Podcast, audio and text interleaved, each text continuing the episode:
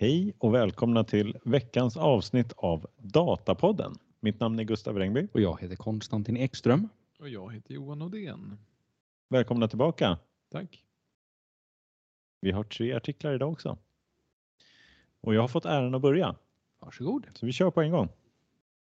Då har jag en artikel från eh, learn.microsoft.com. Så det är väl knappt en nyhetsartikel det här. Eh, den här kom ut 15 augusti 2023. Och rubriken är What's available in the free version of Microsoft Purview? Eh, för det här är ändå en nyhet. Den har inte varit gratis förut. Purview. Och den dök väl upp, eh, jag tror att jag såg den här själv i alla fall på LinkedIn att det var kanske någon Microsoft-anställd eller något som länkade och sa kolla här. Eller om det var någon konsult eller något sånt. Så det är en nyhet i alla fall. Så att, eh, men vi läser om den här på Learn eh, som är egentligen Microsofts då, artiklar om eh, ja, deras tjänster på olika sätt. Ja, de säger här då Microsoft Purview ger administratörer möjlighet att styra sin data estate. Eller ska man kalla det för dataegendom kanske? Och dina användare. Så administratörer kan styra och dina användare kan upptäcka och tillgängliggöra nämnd data. Då. Eh, den fria versionen av Purview är automatiskt eh, tillgänglig och blir som en instans då som är liksom över hela eh, din Azure-miljö och är direkt möjlig att använda. Den ger en organisation möjlighet att komma igång med data governance på ett enkelt sätt, säger de här. Då. Vad ingår då i den här nya då? Alltså den, Purview har ju funnits eh, som en betaltjänst under en eh, längre period. Men vad ingår i gratisversionen? Då är det ett antal delar här då. Datakatalogen. Alla datakällor som är Azure Blob Storage, Data Lake Storage eller Azure SQL Database är automatiskt tillgängliga i Purview.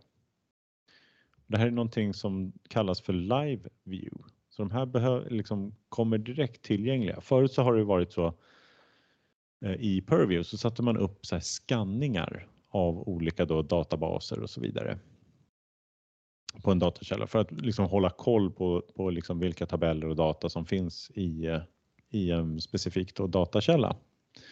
Men här får man alltså liksom en automatisk uppdatering av de, den här typen av datakällor. Det behövs inte göras någon sån scanning i jobb då.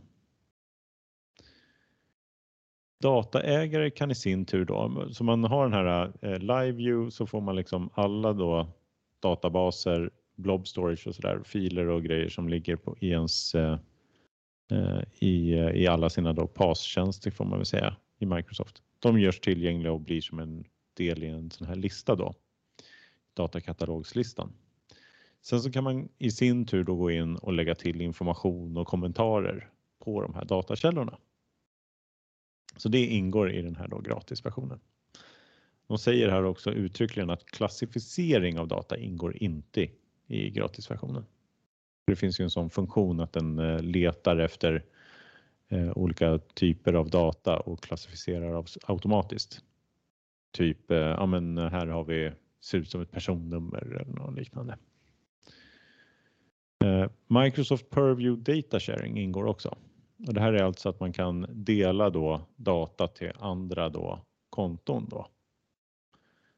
Andra Azure-konton då, så jag förstår det. Man måste väl vara med, ha ett Microsoft-account. Eh, ja, vem har tillgång till den här fria versionen av Purview då? Ja, idag har liksom alla som har en Power BI, Microsoft Fabric, Dynamics 365 eller Power Apps eh, abonnemang. Då har man redan tillgång till den här eh, nya då fria versionen av Purview. Om man inte har någon av dessa tjänster så görs tjänsten tillgängligt i batchar just nu då. Så då eventuellt kan man få vänta några veckor om man inte då vill köpa Enterprise-versionen då på en gång. Då. Men man ska väl också säga här att den här tjänsten är fortfarande i preview. Den är alltså inte släppt och är general available ännu.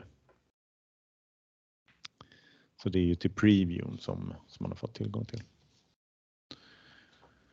De ger lite listor här på vad, vad är det som ingår i fria mot den här betalversionen då. Så går de lite djupare här eh, på det. Eh, så bland annat då så har man den här applikationen datakatalog, den ingår i den fria. Däremot så finns det några till då och så hade vi data sharing ingick i, i den fria. Men det finns ju några till då som vi kan nämna då i vad de räknar upp eh, utöver då det, det gratismaterialet som man får i Enterprise då när man betalar. Där finns bland annat då någonting de kallar för Data Estate Insights. Och det är en tjänst då som eh, gör att man får ett antal då rapporter och möjlighet att analysera eh, ens governance-arbete. Så det är liksom rapporter för Chief Data Officer beskriver de som. Hur mycket av vår data är kurerad idag och så där bland alla våra datakällor. Sen så finns det en tjänst som de kallar för Data Policy som också då inte finns med. Och där kan man då styra tillgång till datakällor via Purview. Eh, och jag, jag, tror att det innebär här att man alltså kan sätta upp att eh, ja, men eh, Peter ska ha tillgång till den här databasen. Den här data sharing-tjänsten det innebär egentligen bara att man kan dela en fil i blob storage till en annan person då snarare. Och då kan de komma åt den filen via då Purview. Så att Data Policy är lite mer djupare då får man säga. Datamap är den sista då eh, applikationen och det är egentligen den här grunden då för tjänsten som gör att man kan skanna och styra över olika datakällor då. Den ingår först om man kör Enterprise då. Ja, eh, en till då begränsning här på gratisversionen är att man är begränsad till vad de kallar för 10 000 annotations. Man kan väl kanske översätta då annotations till kommentarer. Men det är väl någon slags flytande begrepp här vad som är kommentarer då. Om man till exempel har då eh, en tabell i en eh, Azure SQL Database.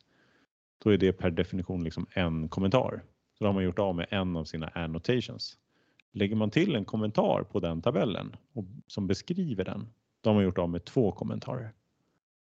Så det är väl antagligen så att man kan inte ha 10 000 tabeller direkt utan det kräver ett par kommentarer per tabell för att kunna beskriva sin eh, då, dataegendom också.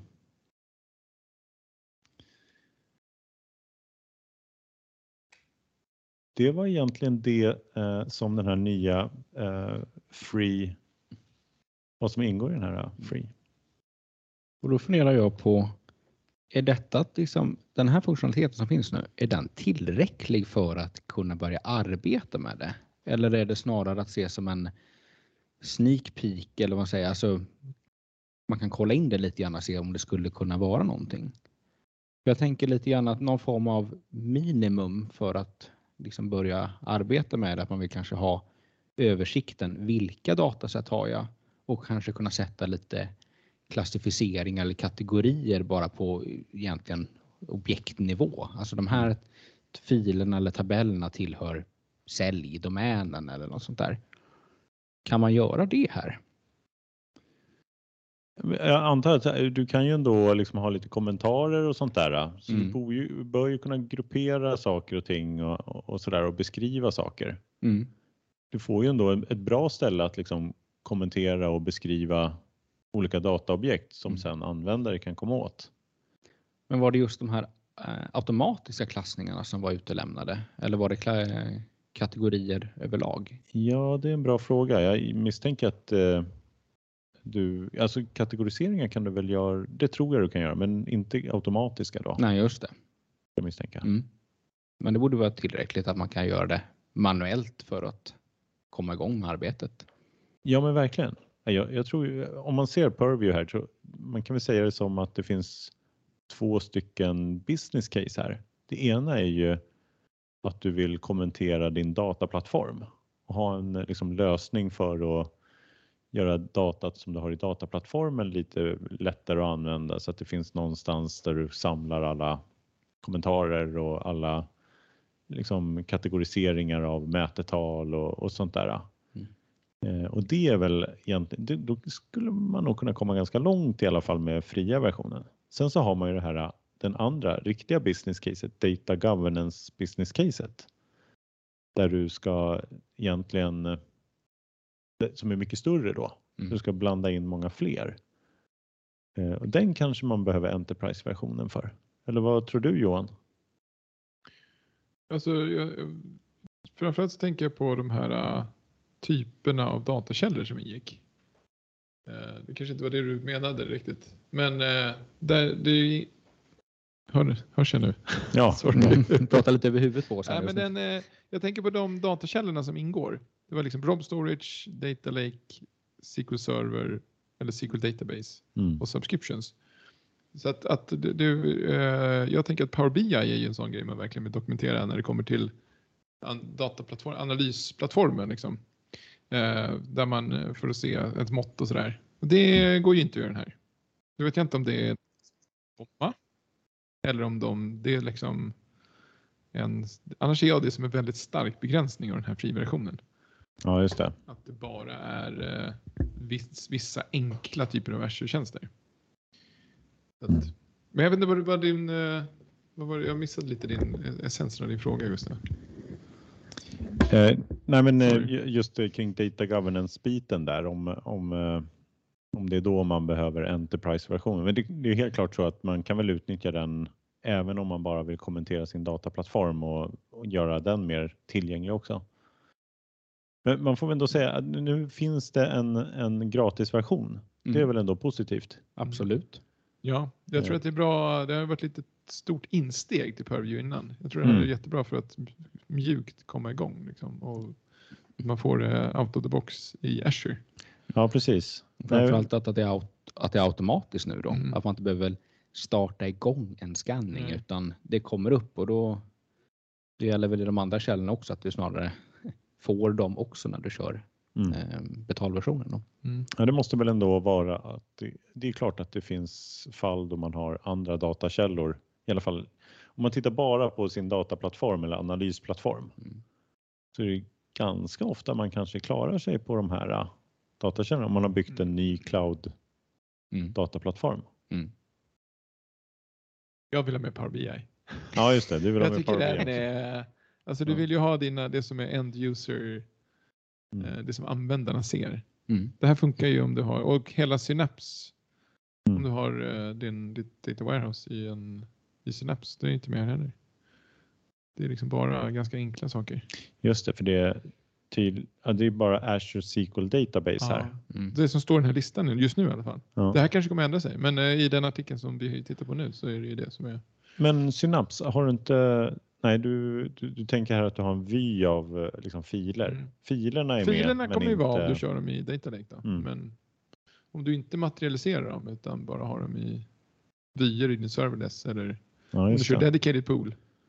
Ja, det där då är, Ja. får du inte någonting här. Just det. Ja, vi får nästan kolla med Microsoft här om, eh, om de eh, menar det med Azure SQL Database. Det tror jag inte. Annars är det bara den källan. Så det funkar ju för små eh, om man har en liten analyslösning där man Mm. inte har, kör Synapse. Då.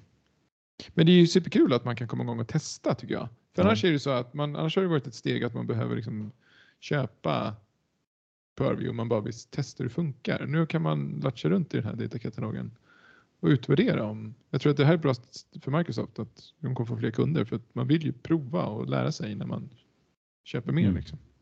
Men det blir eh, egentligen då eh, så kommenteringsdelen blir kanske främst för data engineers då som har koll på sina källor då i data lake. Jag tror det. Det kommer vara mer backend folk som har nytta av det här. Mm. Det är ingenting man kommer släppa till slutanvändarna för att de sitter i andra verktyg.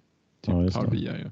Ja, men för det har Enterprise-versionen så kan du få Power BI Då kan man också. scanna Power BI och då kan Mm. du få upp alla dina mått och tabeller. Så om den kommer i gratisversionen också då skulle Så det, det, öppna kommer, upp sig. det kommer öppna mycket skulle jag säga. Mm. Ja, just det. Nej, ja, jag- jag tycker väl att man, man märker det att många är ju intresserade av Purview eh, men sen så inser man att den kostar ganska mycket pengar och då tycker man inte att det blir värt det. Just för att du inte är ute efter det här data governance business caset. Utan du har ju bara tänkt att oh, men det skulle väl vara trevligt med lite, lite stöd. Sådär för, för dataplattformsgruppen. Precis, och då är det datakatalogen man vill ha. Ja precis, Den då är det bara datakatalogen. Då vill du inte betala för mer. Nej. Så det är ju bra att man kan liksom få den då utan att det blir en eh, alltför dyr affär. Mm. Sen så kanske det är så att man behöver den där eh, några delar i Enterprise-versionen ändå med tiden. Men det är väl det som är lite poängen med det här. Ja, Att man ska man ska det. börja lite Ja. grann sådär. Så. Men likväl är det ju någonting positivt. Att de bjuder på en, eh, en enkel gratisversion. Ja, Det precis. Ja. Och, och det är ju ändå trevligt att kunna få liksom göra, liksom, även om det bara blir delar av datat Mm. så är ju det positivt. Och till och med om du har en gammal då eh, byggd eh, cloudlösning som kanske inte har kört med data lakes Mhm. så har du ju egentligen ganska bra verktyg. Då Då för- blir ju den här ganska komplett om du, om du bara är i SQL, eller eh, SQLDB ja. och Blob Storage. Ja, precis. För det var ju, liksom, man får väl säga, kanske för några år sedan så var det ju bara så man byggde. Mm. Mm. Så de har nästan större nytta av det än en nybyggd lösning. Yes. Ja, men vi är glada, får man väl vi. säga. Mm. Men vi vill ha mer. Det är det, kontentan här. Microsoft får ge mer gratis så Ja. blir vi ännu gladare. Ja, det blir Mm. Ska vi gå vidare? Mm. Då vill landa på mig. Och den artikel som jag valt denna vecka tar upp Excel och Python i samma kontext. Men jag tänkte börja här med att eh, en liten eh, högst subjektiv och ovetenskaplig genomgång för att sätta det hela i ett litet sammanhang. Ni får se om ni håller med mig i det här. Om man tänker sig hantering av strukturerad data på något sätt i tabulär form så får man säga att SQL har ju varit go-to-språket liksom redan sedan starten 1979. Eh, jag skulle säga att det gäller även än idag. Om vi låter detta kategorisera kategorin backend och hantering av lite större datamängder. Och så har vi andra sidan Excel sedan 1987. Eh, det givna valet för de flesta som vill göra någon form av dataanalys utan att behöva behärska kodning i någon vidare omfattning. Även om man ibland förundras över hur avancerade just Excel-ark kan bli. Om vi låter detta kategorisera kategorin eh, frontend och hantering av lite mindre datamängder. Men såväl relationsdatabaser och språket SQL har ju fått möta viss konkurrens från andra tekniker över åren. Ehm, tydligaste trenden, ja, vi har Lakehouse, de har arbetat mer med filer och intåg av programmeringsspråk, företrädesvis Python. Och en drivande faktor är dels att haft allt större datamängder och sen ökad användning av eh, exempelvis machine learning. Och en grundsten när det kommer till användning av Python är biblioteket Pandas som släpptes då eh, i 2008 och används då för datamanipulering och analys. Och över åren så har flera av de stora rört sig mot användande av eh, programmeringsspråk. En pionjär är Databricks som grundades 2013. Och de i sin version kallas PySpark och Databricks som man ändå säga har varit drivande i konceptet Lakehouse. Snowflake har sin utgångspunkt i relationsdatabaskonceptet med SQL och sådär. Eh, men i juni 2021 släppte de sin version motsvarande Spark, Snowpark. Eh, för att i november 2022 släppa, äntligen får man ändå säga, eh, Snowpark for Python. Och Microsoft, där de har ju länge haft tät integration mot Databricks, men i somras så släppte de då Fabric där Lakehouse ingår som ett koncept. Eller snarare workload, eh, där just Spark och PySpark används då. Och både PySpark och Snowpark eh, kan man säga är syntaxmässigt ganska likt Pandas eh, och det finns även möjlighet att konvertera dataframes till Pandas. Men Excel då, mitt favoritprogram för övrigt. Det har stått sig extremt stabilt över åren. Eh, om än med mer förbättrad eh, funktionalitet och alternativ för eh, och andra alternativ som vuxit fram. Eh, Power BI då som verkligen blivit räknat med för interaktiva och visuella rapporter. Men Excel har ju en liten smått unik förmåga att hänga med i vad som händer andra områden. Eh, man kan ibland fråga sig vad som är ägget. Eh, som exempel Power Query för att ladda in data. Det finns ju både Power BI och Excel. Eh, bygger man en datamodell i Power BI så kan man analysera den i Excel. Etc. etc.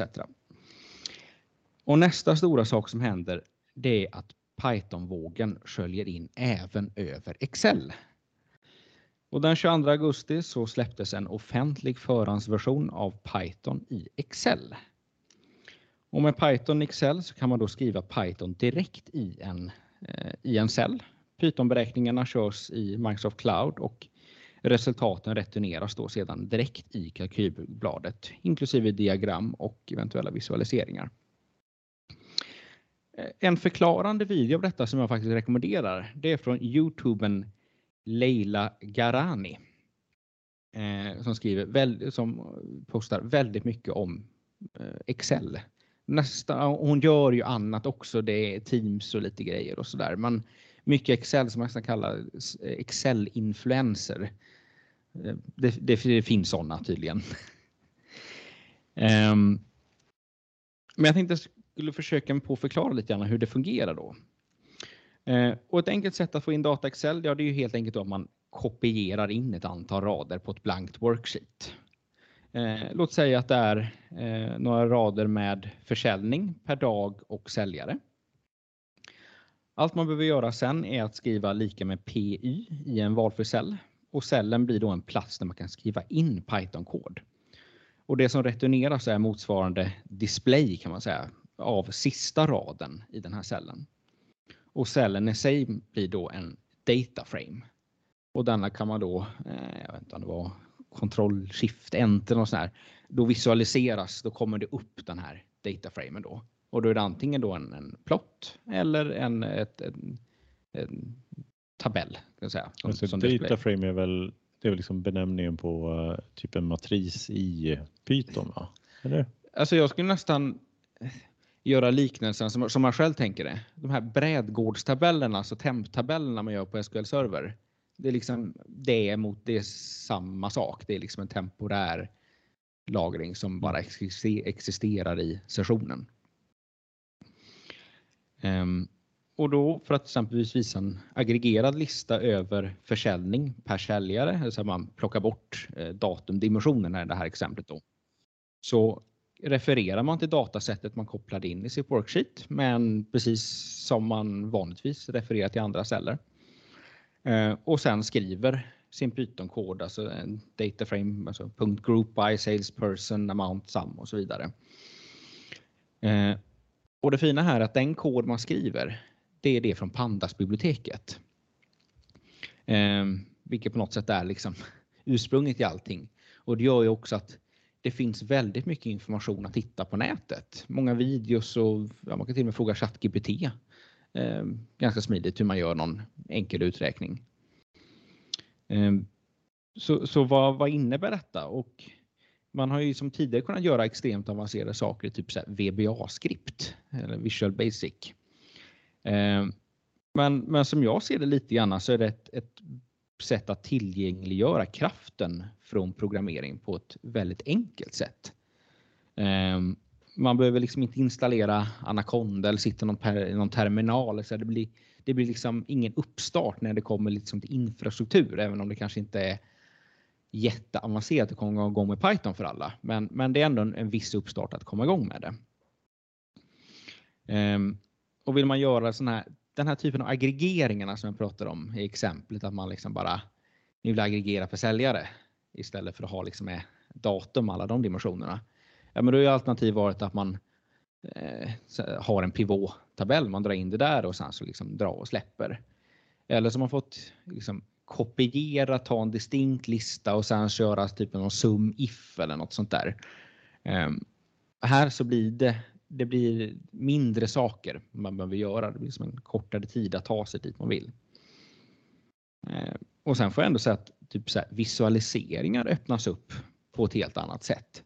Eh, du har liksom helt andra typer av bibliotek och du kan liksom personalisera, eh, så här, customisera, eh, liksom anpassa dina grafer på ett, annat, på ett helt annat sätt än de standardgraferna som bara finns i Excel. Då. Ja, det var det hela. Ja, det är riktigt trevligt. Mm. Python till Excel alltså. Mm.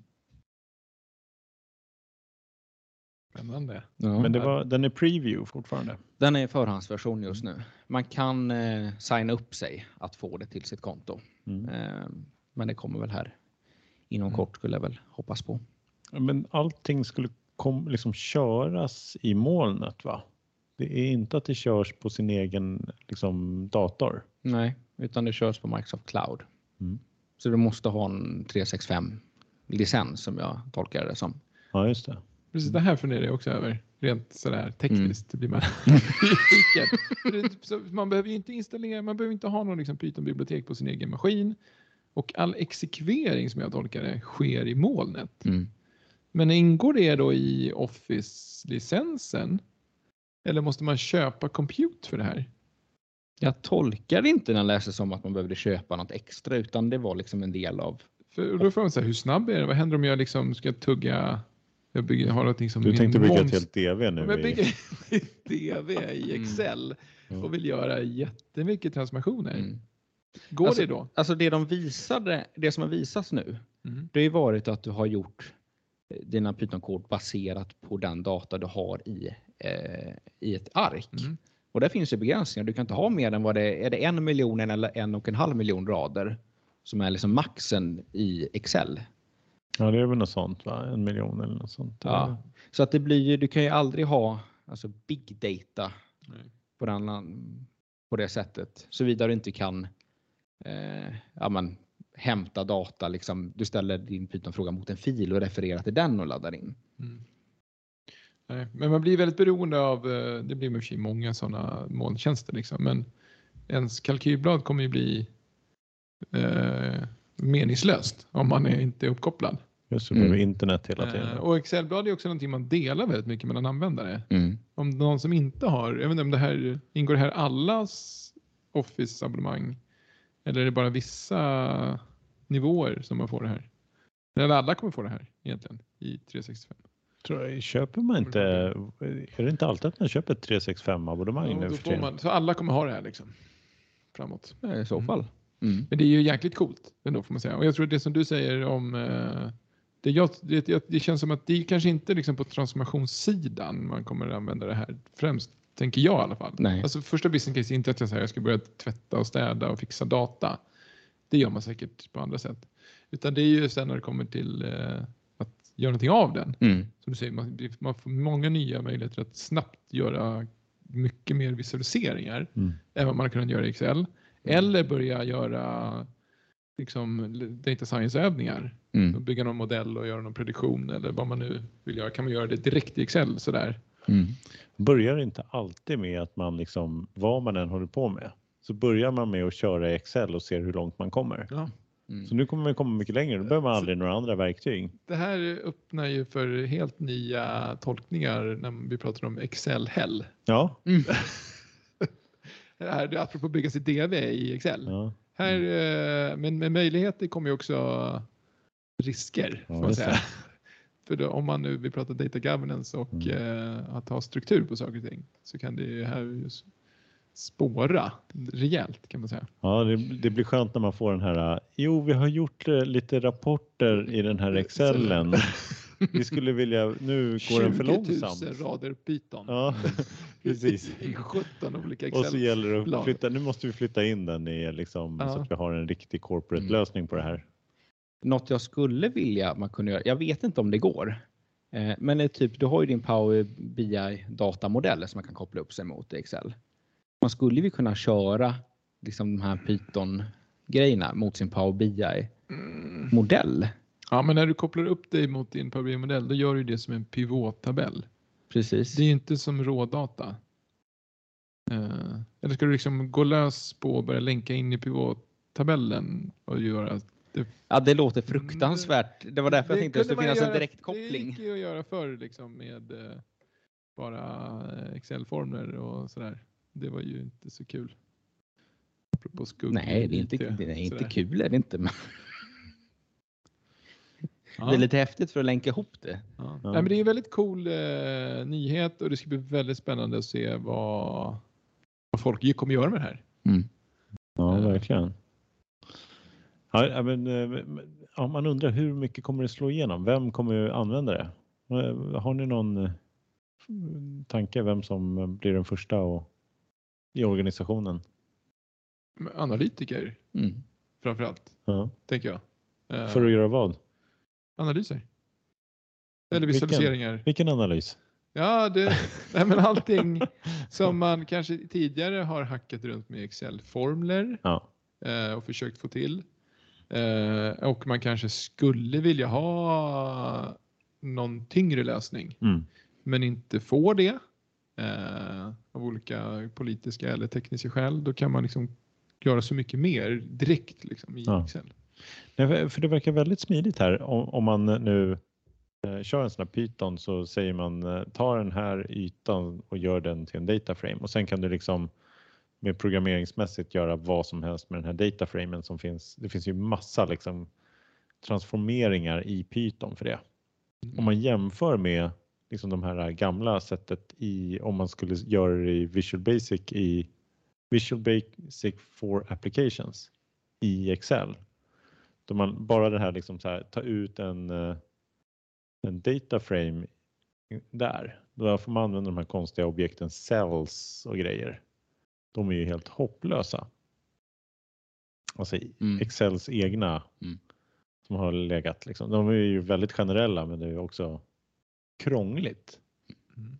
Kan man Kan man tänka sig att det här nu blir liksom döden för gamla hedliga Excel-makron? Ja, det borde ju ändå. Det finns ingen, det finns ingen, Ja, det skulle vara eh, typ inget så- use case kvar för dem nu när man kan skriva Python istället. Ja, det om man lägger till typ så en knapp. Refresh. Ja, just det. För där har du ju ändå att du kan bygga formulär och grejer i. Mm. För annars har det ju varit så här att någon vill göra någonting i Excel och då tvingas man lära sig sådana VB-makron. Mm. Mm. Det är ingen som kommer och kan VB-makron och tänker så här, men det här kan jag. Så nu gör jag de här grejerna i ett makro. Mm. Medan det kommer ju vara caset här. Folk kommer komma in i Excel, kunna Python och känna så här, här är jag hemma, det här bygger jag i Python. Ja, Så verkligen. mm. Mm. Mm. Det blir riktigt roligt. Det måste ju ändå göra det bra mycket enklare med en massa tillämpningar av data på olika sätt. Det känns som en väldigt stor nyhet får man säga, Mm. tycker jag. Ja, verkligen. Kan man, ta, väldigt- man skulle ju kunna ta den här skripten och klistra in i Power BI. Om man vill ha. Vilken skrift? Python. Python. Okej. Ja. Du vi flyttar över bara. Men, men det är väl problemet att du inte kommer ha, eller eh, syftet, eh, du tänker bara liksom vilket Python-skript som helst eller, för du kan ju bygga grejer, Python finns ju i Power BI också, men då har man inte datat där va? För den är väl Excel, ja, det är ju direkt i Excel som du vill kunna bearbeta datat eller Ja, men om man vill kanske permanent, om man tagit fram en data frame Ja. och så vill man ha den liksom på sin vanliga data. Ja, just det. Jag, jag tror att den kommer vara, ja, jag, jag vet Ja. ju inte, men det känns som det kommer bli väldigt så här, kopplat ändå till Excel. Oh ja. Mm. Eh. Ja, det kommer nog vara svårt att klipp, flytt, migrera det här Mm. till något Enterprise-lösning. Eh, Ja. Mm. Jag måste bara, innan vi släpper den här, Mm. eh, plus till den här fina bakgrunden. Det fanns ju inte i artikeln. Du gav ju väldigt bra liksom, vägen fram till det här över årtionden. Det var fint. Ja, ja, det var väldigt fint. Eh, Sen så måste man väl ändå ta upp, eh, för det finns ju en, eh, en kille som, en svensk kille som också är lite så här Excel-influencer. Jag kommer inte ihåg vad han heter. Men- Stavegård. Stavegård ja. Ja. ja. Så han, han måste man ju nästan nämna också. Det finns En- in- Excel-influencers. Han, han är den jag tänker på som Excel-influencer. Han, han är Excel för mig. Ja. Så, ja. Han gör ju massa bra Ja. tips hela tiden. Som Torsdagstipset. dyker upp på LinkedIn och sådär. Mm. Mm. Eh, och han, jag antar att nu fick han just en så här oändlig ny källa av saker han kan göra på Python. torsdagar. Då. Ja, precis.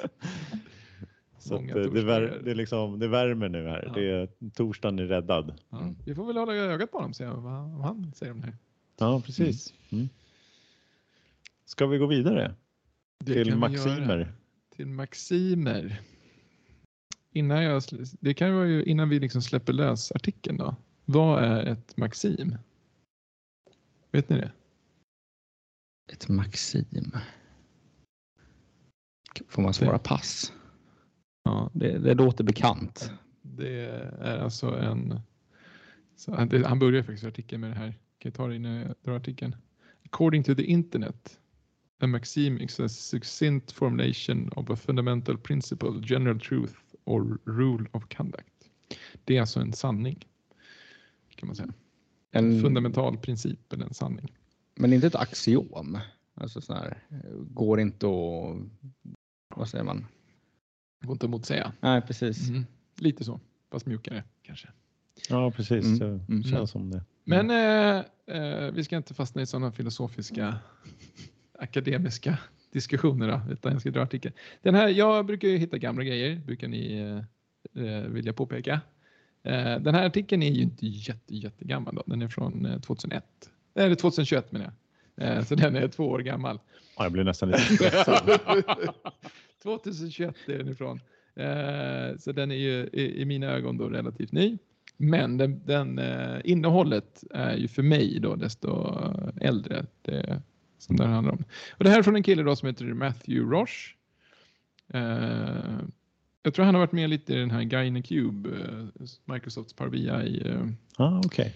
podd eh, och är lite en, en influencer kring data. Och han har då eh, formulerat här då sitt maxim of data transformation som lyder då data should be transformed as far upstream as possible and as far downstream as necessary.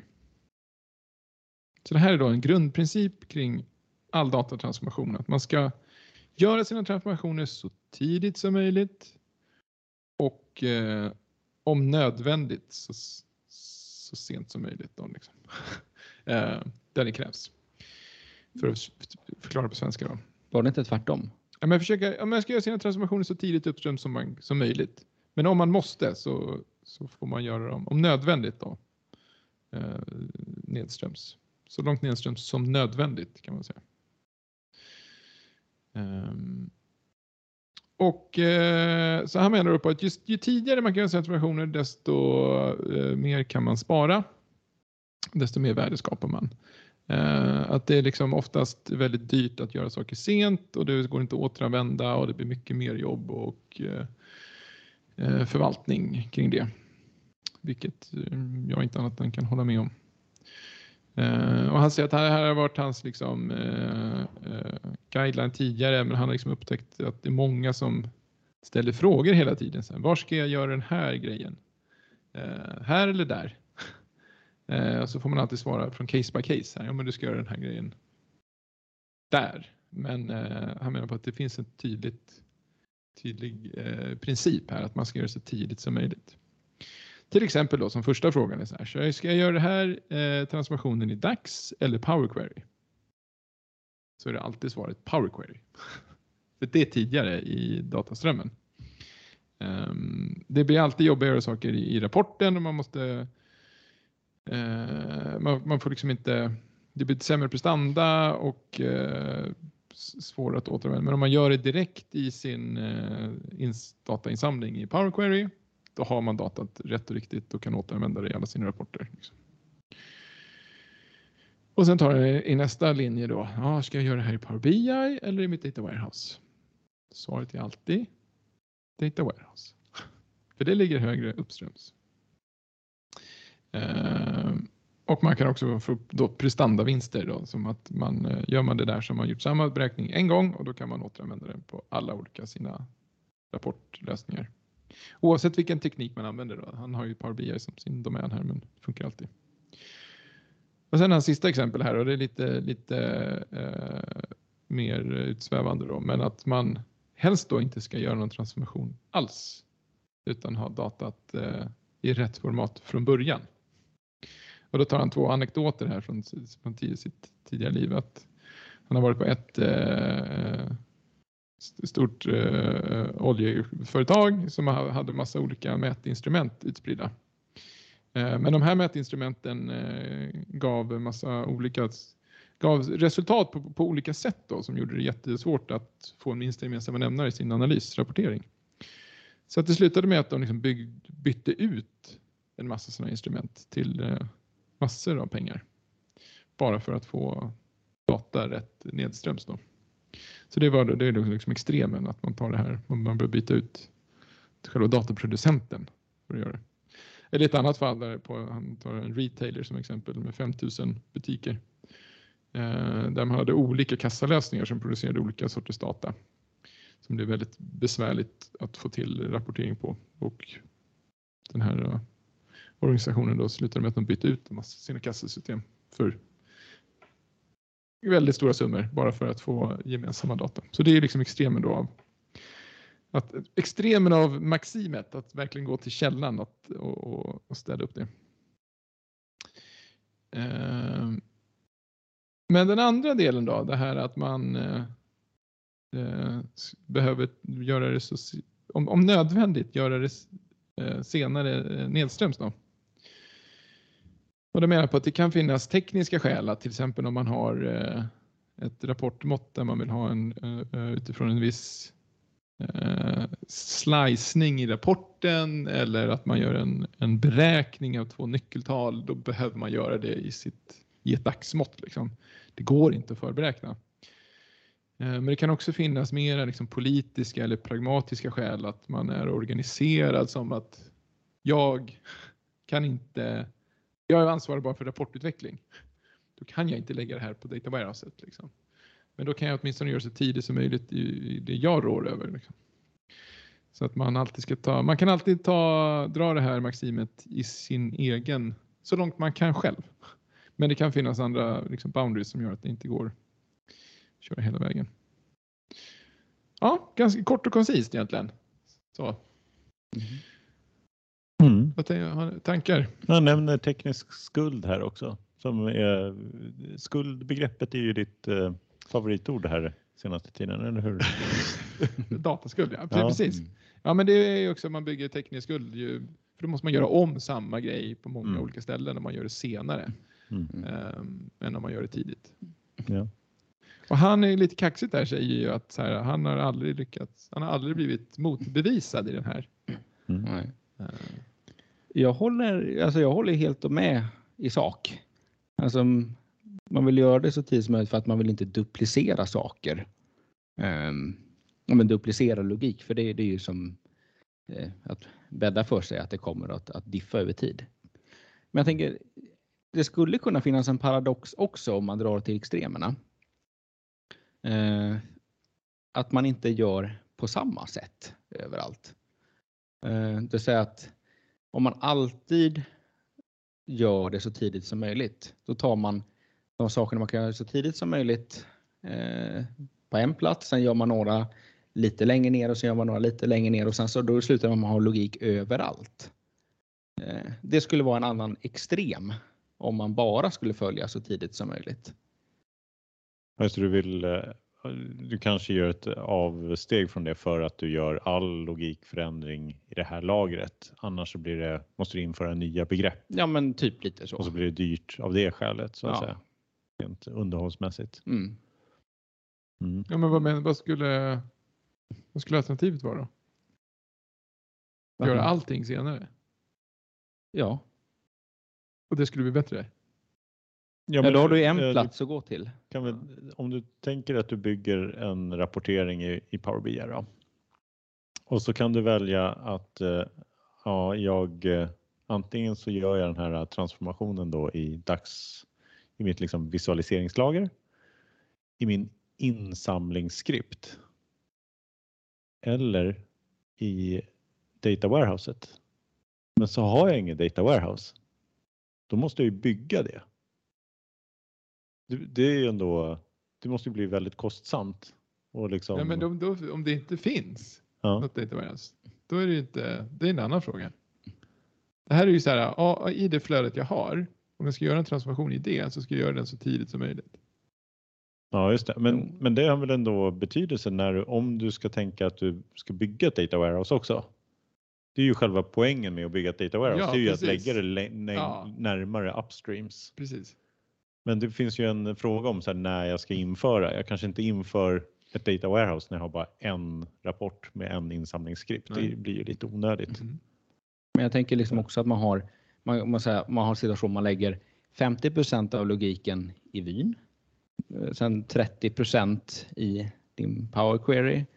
Och sen så de sista 20 Ja, ja. Summera Ja. upp till 100. Eh, liksom i dagsmåtten. Då blir, blir det lite grann så här, ja, men Ja. var är, vart ska jag Vart leta? händer var? Precis. Mm. Precis, och det kan vara till och med så för att få fram ett speciellt nyckeltal så har liksom delar av den logiken ligger på olika platser. Alltså den, Mm, ja, ja. den paradoxen finns Ja, också absolut. med som kan göra att ja, man, ja, eh, Det ja, blir en komplex lineage om man gör saker på många olika ställen. Liksom. ja, så ibland så Även det, om varje eh, grej är, är suboptimalt på rätt ställe.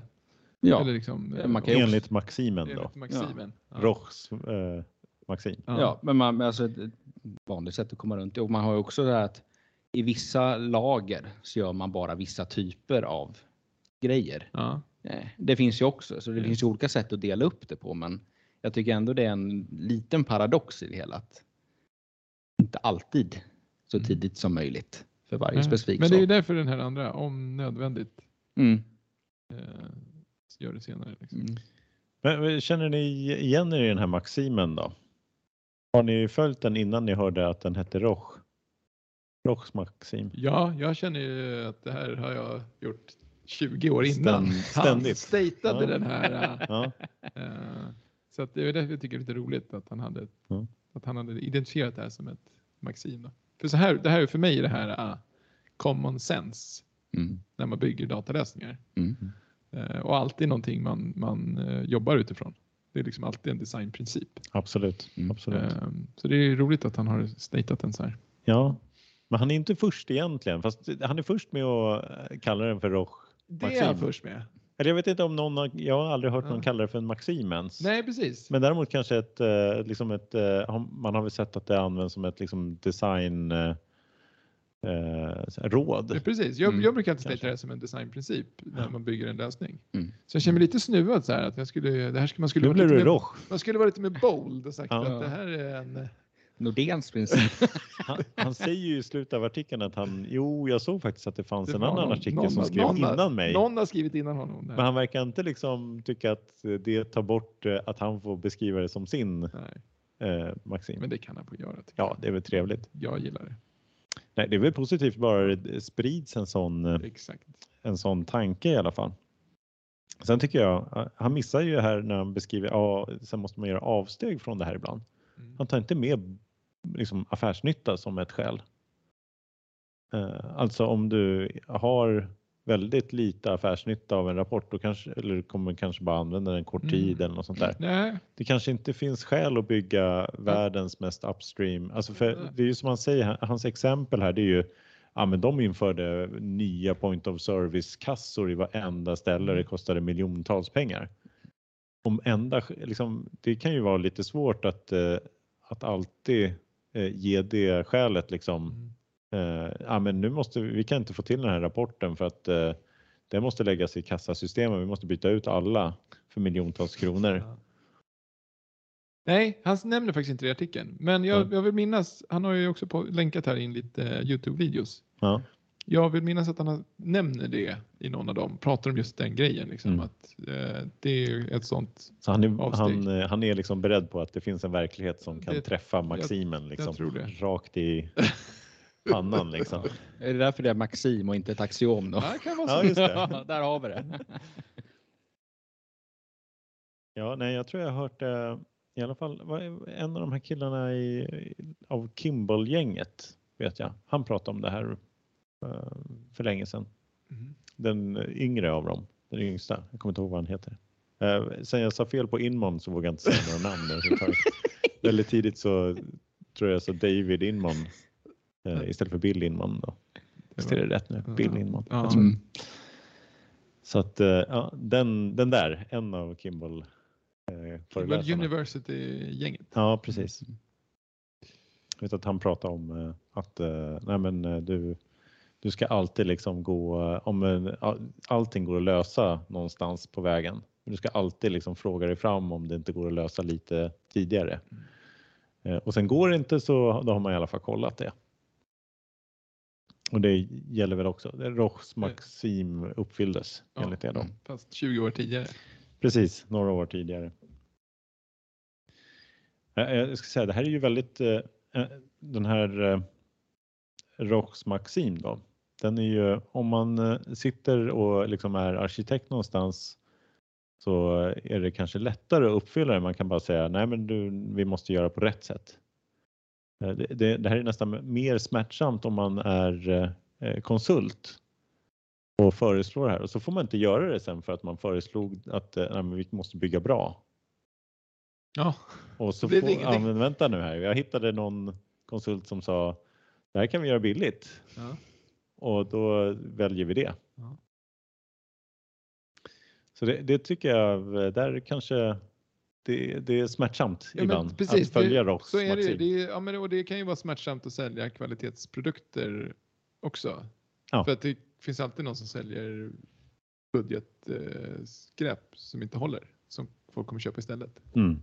Nej, jag, jag tror vi, man, man möter ju på en del som aldrig kanske liksom gör sina första då liksom BI-lösningar. Då Mm. kan vi ju ibland ge förslag både på, ja men eh, på lång sikt så kommer det nog Mm. bli en dataplattform här, men kanske att man kan klara sig på en rapport tidigare. Men redan där så tror jag att man, eh, att vi kan vara lite sämre då på att erbjuda eh, till den typen av kunder för att de fattar inte överhuvudtaget varför vi säger att det kommer vara så kostsamt att införa. När någon annan säger att det här går på en dag liksom att, att göra.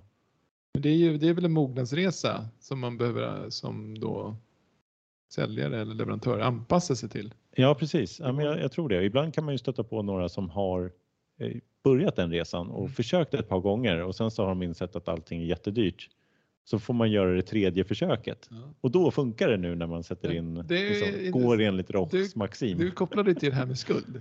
Det hade vi Ja. ju i den avsnittet där vi pratade om dataskuld. Ja. Den här äh, matris eller liksom fyra kvadranterna. Mm. Att man börjar i den lådan där man inte ens förstår att man har skuld. Nej precis. Utan man bara Ja. kör. Mm. Ja. Eh, Sen är nästa steg att man faktiskt förstår att man har byggt skuld Ja och kan börja ta tag i det. Men det, det kanske säger mer om att eh, jag är en dålig pedagog som inte kan förklara det här på ett bra sätt. Får vi säga. Ja, man får gå in och kolla på Roches, Rochs Precis, han, kan, han, Ja. han förklarar det här på ett bra sätt.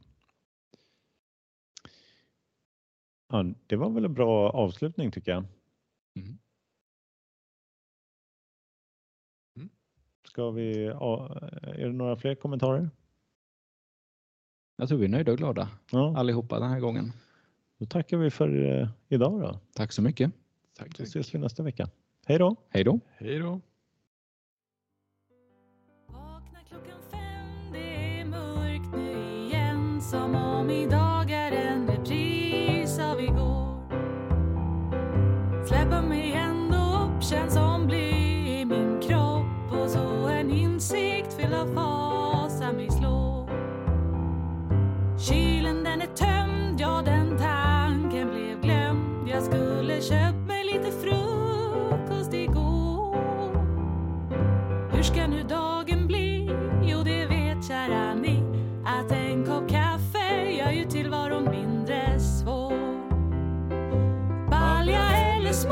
spela rousing